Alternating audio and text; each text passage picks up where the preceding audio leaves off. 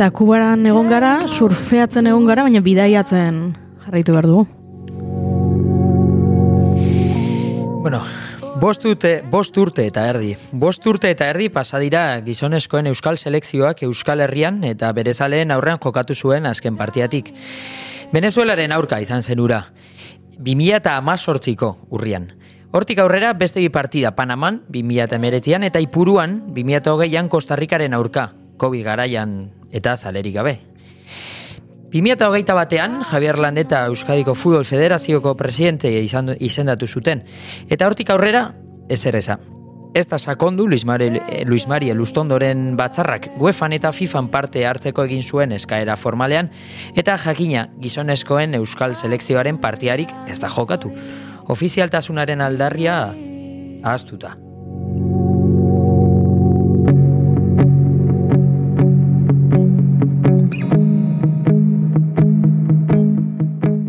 Hala ere, pronostiko guztien kontra, astelen honetan bertan jakinarazi du Euskadiko futbol selekzioak gizonezkoen Euskal selekzioa zelaietara itzuliko dela. Berri, berri ona, berri ona dudarik gabe. Partida San Mamesen jokatuko da, hilabete baino gutxiago barru, martxoaren hogeita iruan, arratsaldeko sortzietan. Eta gainera, ahuntzaren gaurriko estula ez den aurkari baten aurka. Uruguai. Ta orain esan digute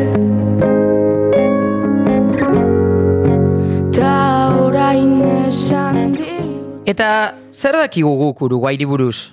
Bal dago harremana Uruguai eta Euskal Herriaren artean? Ba, bigarren kafe honetan bidaia bat egitea proposatuko dizuegu. Guazen ba Uruguairekin konektatzera? Egunon, Gabriel Arce.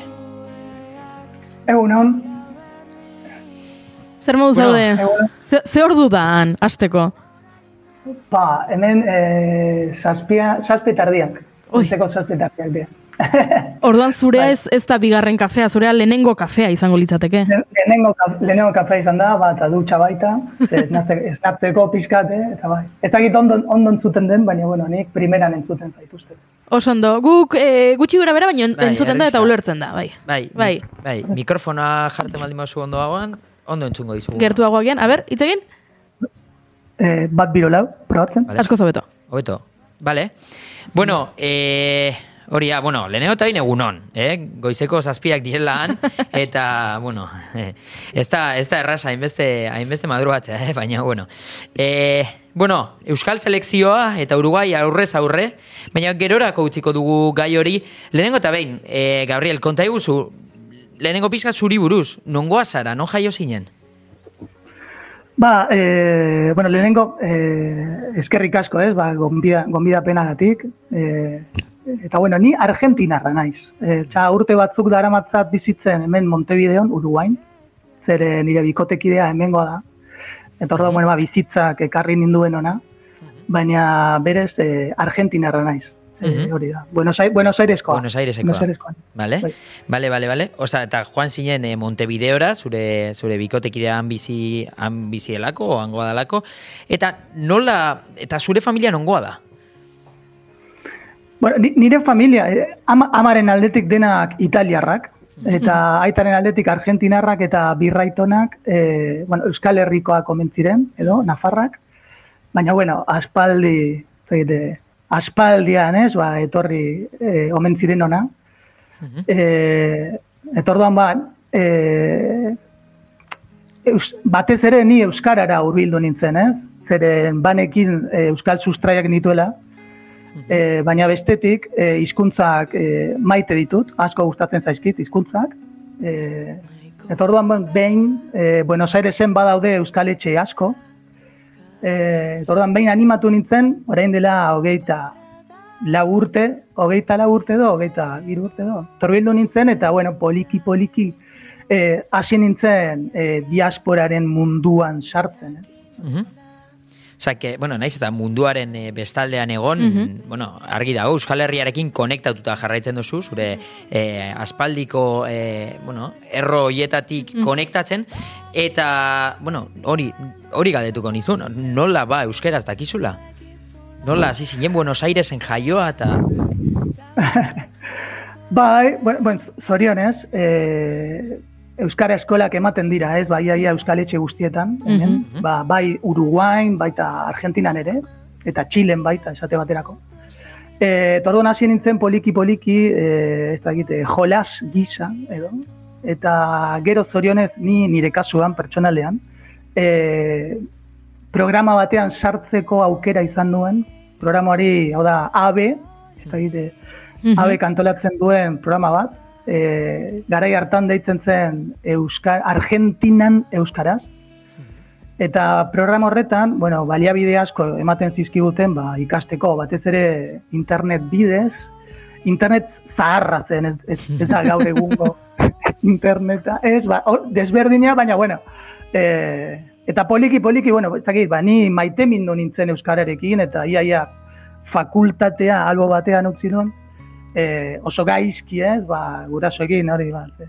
Eta jarraituko duzu honek, eta bueno, eh, Bronka bota zizuten. dena itzul, nola? Bronka botazi zuten, aserretu intziren, o? I, alde, pizkat bai, ze momentu batean e, hasi nintzen, nola da, Euskarari garrantzi handiagoa ematen, eta orduan ez dakit barnetegiak antolatzen ziren Argentinan, e, e, urtean bitan, eta orduan, bueno, gero Euskal Herrira joan nintzen, e, behin, gero beste batean, bizitzera, e, beka bat lortu nuen, eta horrela, bueno, la, familia batekin, la, Laskaoko familia batekin bizi izan nintzen, eta horiei esker asko ikasi nuen, eta Mhm. baina, osea, urteak, urteak pasa, Aha. pasa dira. Ze polita eh, esan duela hizkuntzarekin jolasean hasi zela. Nola, ba, euskararekin jolasean, ez? E, hemen bigarren kafean askotan aipatzen dugu, ba, askotan esaten dela euskara munduko hizkuntzarik zaiena eta batzuentzat arrotasun puntu bat ematen duela hori, baino baino ez zaigula gustatzen ze mistizismorik kendu egin bertzaiola eta benetan jolastu egin behar dela euskararekin, lokatzetan sartu euskararekin eta oso polit jeruditu zait Gabrielek esatea, ba, nola hasi zinen nintzen euskaraz? Ba, euskararekin jolasten, hizkuntzarekin jolasten. Hori egin beharko genuke guztiok. Bai, bai. Asko simple, Bai. simple egiten, no? Bai. simpleago egiten. Bueno, guazen, Adi- guazen, adi- bai, esan, esan, esan, Gabriel.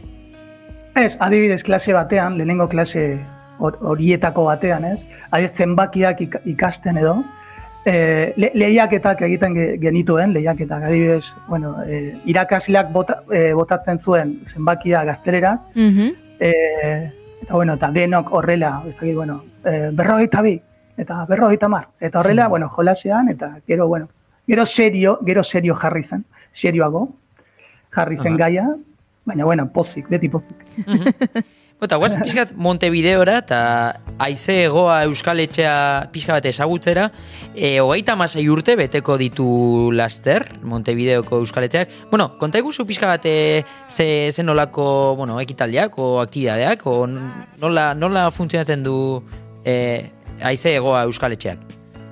Ah, hain justu, orain ba, igandean, datorren igandean, Mhm. gaur e, osteguna da, ez? Bueno, igandean e, ospatuko dugu. Hori. Ha, E, bai, festa daukagu, Euskal Etxean, orduan ba, Bien. e, orokorrean, Zorionak, no? eh, Aize egoa e, Bai, bai. Euskal Etxera. bueno, eskerrik asko, e, gero, gero es, esango diet, eh? esango diet, ba, zuekin hitz egin dudala, eta, eta, eta bueno, alde batetik festak, eh, ez dakit, elkartzen gara ondo pasatzera, eta ai- ai- aitzaki asko, aitzaki horrela esaten du, baina, bueno, ez dakit, eh, adibidez, eh, alde batetik urte betetzeak, eh, Euskal Etxeen urte betetzeak, kasu Mhm. honetan aizegoa, aizegoarena, edo agian ez dakit ge, Euskararen eguna ospatzen dugu, e, Euskal diasporaren eguna ere e, hor, horrek garrantzi handia daukamen, guretzat. E, gero ez dakit Gernika, e, baita San, San Ferminiak, e, San Fermin, ba, e, edo zein aitzaki baliagarria omen da ez dakit ondo pasatzeko. Claro, da. claro. bai, ez? Vale, Eta horretaz aparte, Euskara eskolak, ez dakit dantzak ere badaude. Bueno, eske Euskal, Euskal Etxeetan denetarik egiten da. Ja, nik aitortuko dizuet, nire bizitzan lehenengo aldiz kalsotak janituela Bruselako Euskal Etxean. Eta esango ze, eh? kalsotak ez dira Euskaldunak, bai, baino Bruselako Euskal Etxeak egin zuen eh, hango, bueno, eh, Kataluniatik joandako ba, ba lagun batzuekin topaketa eta ba hoxe, Euskaldunak eta Katalanak elkarrekin, baino Bruselan. Eta hango bi komunitate horiek eh, elkar ezagutzeko, eta orduan e, antolatu zuten afari bat, eta zen e, gastronomia nasketa. Kalsota jan genituen, baino Euskal pastela jan genuen e, baita ere, eta hilda batzuk jan genituen, eta bueno, pixkat nastu, de, dena nastuta. Eta kalsotak lehenengo aldiz, nire bizitzan, ba, Euskal etxean, ze e, Gabrielek esan duen bezala, edo zina itzakia dauna ospatzeko. Bestarako gogoa behar da, hori bakarrik. Hori bai, festarako gogoa hori ja e, badaukagu. Mhm. Nahikoa eta soberan. Ta, Bai. zenbat, ze- zenbat zarete gutxi gora bera e, e, Uruguaiko Montevideoko Euskal Etxean? O zenbat batzen zarete, adibidez, festa horretarako, zenbat jende apros, apros, zenbat e, uste duzu joango? Ba, e, Joango esango dira, nuke ba, be- berrogei bat, edo? Mhm. Bueno, Berrogei? Joder, berrogei. inguru, ez? Bueno, komunitate nahiko, nahiko handia da, berrogei pertsona. Bueno, eta hori, bueno, itzein duguna, oso aktiboak zarete, behintzat eh, zare sozialetan ikusten da, eh, oso, oso aktiboak eh, zarete, ekitaldi asko antolatzen dituzuela, Eta, bueno, e, bebai hori, euskara zitzeiteko eta euskara eskolak emateko aukera baditu, baduzuen, no? Bai, bai, bai. Eta, e, bueno, hemen Uruguain, esate baterako, e, e, badago, ez dakit, jende asko, e, e, euskal sustrai, sustraiak ez, ba, dituena, badago. Eta abizen asko, orduan ez dakit, urtero hurbiltzen da, Mhm. e, e, norbait hurbiltzen da, ez, ba, galdezka. E, euskarik, euskarik hasi nahi dut, ez dakit e, nolakoa den, baina aiton amonek hitz egiten zuten, edo birraitonek eta bat. E, orduan pixkat egiten duguna hori da, ez, ba, hemengo komunitateari, ez dakit, atea e, irekitzea, ez, Mhm. e, zentzu horretan. Eta baina baita bestetik, barkatu, e, Euskal Herritik gero eta Euskaldun gehiago etortzen dira, Mhm. e, i- ikastera edo ez dakit paseatzera, eta eta zorionez hurbiltzen dira baita e, Euskal Etxera. Eta orduan e, an, antxe ez dakite, nahasten dira pixkat e, antziniako irudia, odea bat tradizionala eta bar, eta gaur egungoa, Mhm. e, zuek e, ona ekartzen duzuena. Hori ez dakit. Mhm.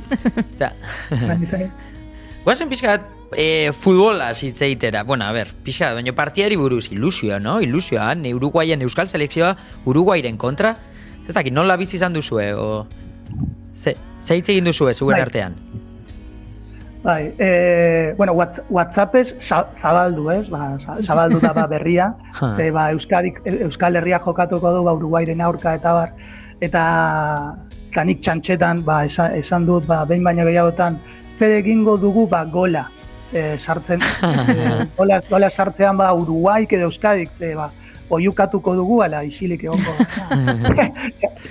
Pizka txantxetan, ez? Eta, eta uste dut elkartuko garela, ez dakigu non, ez dakigu zein euskal etxetan edo, baina zeo zer e, antolatzen ari, ari dira, zere, U- Uruguai, Uruguai tarrentzat eta Argentinarrontzat futbola, ez dakite, erligio, Bai. erligioa da Mhm. zentzu horretan, ez ba, kul- kulturalki oso Bai, barneratuta oso daukagu. bai. Orduan, orduan im, imaginatu, ez, ba, Uruguai eta Ja. Euskal Herria. Osa, e- egun polita izango da, eta ari zaite zeo zer eh, prestatzen, ez da? Edo, eros, Bai. zeo zer berezia egiteko intentzioa badaukazue.